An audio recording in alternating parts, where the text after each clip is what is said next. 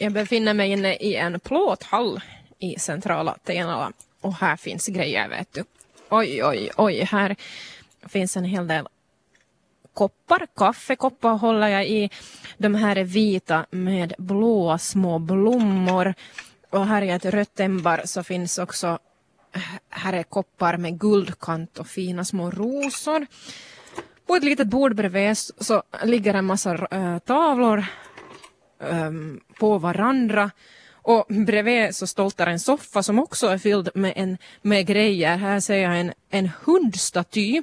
Den ser ganska ledsen ut den där hunden, den är brun. Tror det är någon slags keramik. Och här är också en lite modernare pryl, nämligen en TV. Ligger här. Den här plåthallen är um, Tenala Lions loppislokal. Här samlar man alltså alla de prylar som på lördagen säljs på museigården. Och jag har också två loppisförsäljare med mig, tro, tror jag i alla fall att de ska vara med. De är här från Lions-klubben i Tenala alltså som ordnar den här loppisen. Uh, hur är det Johan Holmström, har vi någon aning om hur mycket grejer här finns i hallen? Uh, hur mycket? Det finns nog mycket, men kanske lite mindre än tidigare Och vad beror det på då?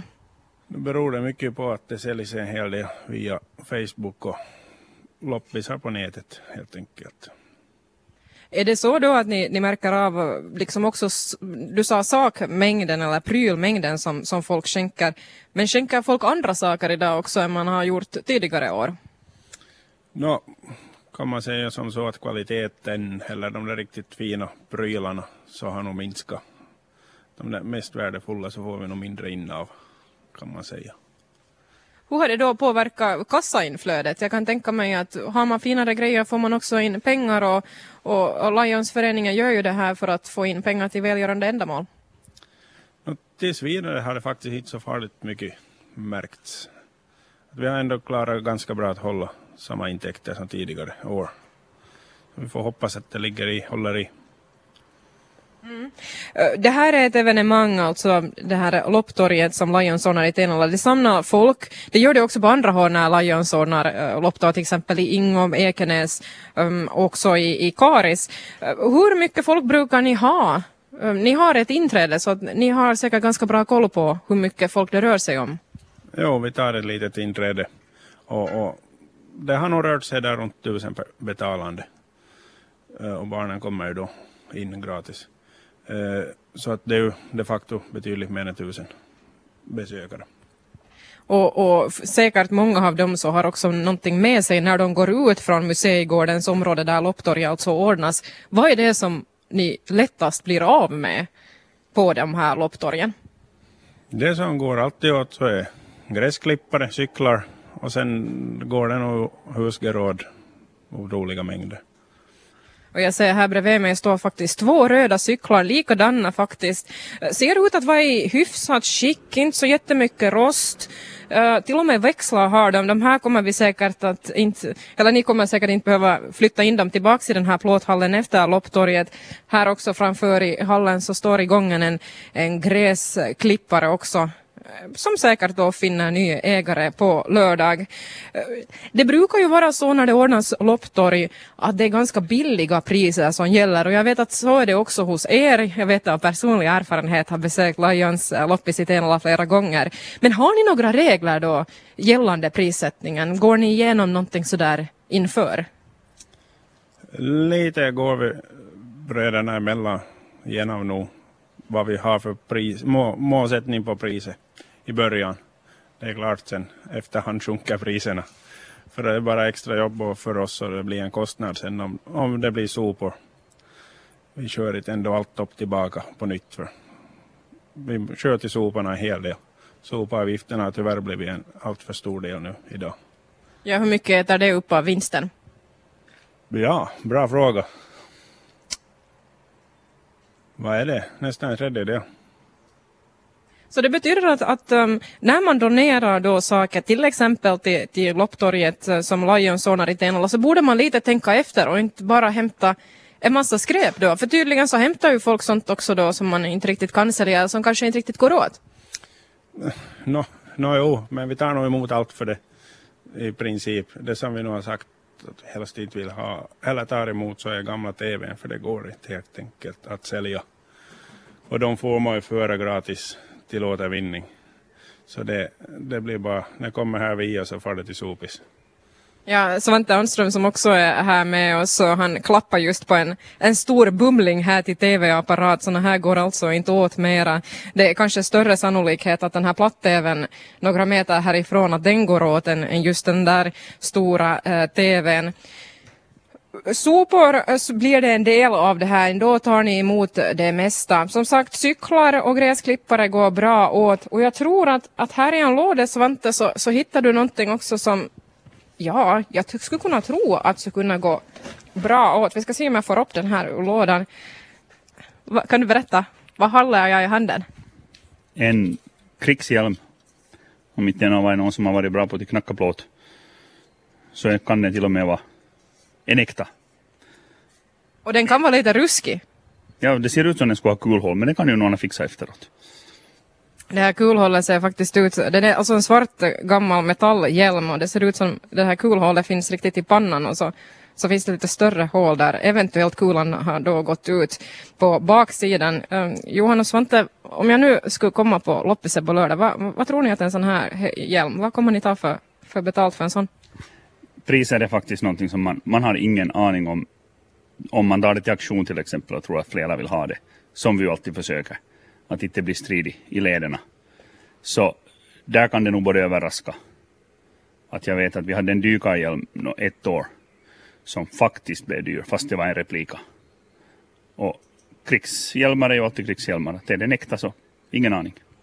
Men den här kommer att gå då på auktion eller? Måste överväga och se vad vi hittar i lagret i året.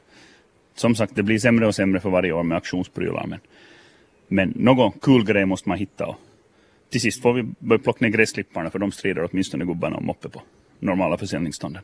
Ja, hur mycket gräl brukar det bli på de här lopptorgen? Jag vet själv av egen erfarenhet att man ibland till och med får känna några armbågar och det blir nog lite kiv ofta om vem är det som nu hade händerna på den där byrån först. Hur stora problem är det hos er här i, i Tenaland när Lions ordnar loppis? Den diskussionen har säkert varit ända sedan 74 när första loppis nu var. Och, och jag har hört det sedan 96. Och det kommer vi aldrig till slippa. För vi har så mycket folk att vi kan inte öppna portarna klockan ett och släppa in alla. Utan det, vi, vi släpper ju in folk tidigare. Men inte får du ju i princip... Ser man att någon reserverar någonting, att det står flera runt samma grej, så då brukar också bröderna ordna aktion där på plats. Att ser de att en gräsklippare till exempel är intressant, så bjuder man också där. Men då är det också sådana som tar illa upp. För är det lopptor så ska det vara ett pris på det som säljs. Så det finns alltid någon som inte är nöjd. Och så står det någon och håller i någonting, så vågar inte någon gå dit bredvid och ropa att hej, jag vill ha det. För ser vi att flera vill ha det, så då brukar vi ordna det på plats. Så det är nog bara fritt fram att sitter någon på en stol så, och du vill ha den så brukar det lösa sig bara man säger att jag vill ha den. Oj, vad bra, det har inte jag vetat om. Det är många fina guldkripar som gått mig ur händerna för att någon annan hann dit först. Men vi har som sagt, vad sa vi här nu, att är det, är det 12 tiden som vi, som vi börjar sälja så att säga inträdena och ett börjar försäljningen. Men, men vi har ju nog folk, de, mest, de flesta är nog inne redan tror jag för ett. Så att och då är det trångt om saligheten. Inte för att alla kommer dit för att fylla korgen. Många kommer till de här lopptorgen också för att det är en social tillställning. Man träffar mycket bekanta. Och på lördag är det alltså i Tenala som det ordnas eh, Lions eh, loppmarknad. Och det ordnas ju på museigården och, och där startar de alltså klockan 13. Men det kan vara bra att vara ute i god tid så att det inte blir strid om grejerna. Och strid kan det ju bli ändå som du hörde här precis.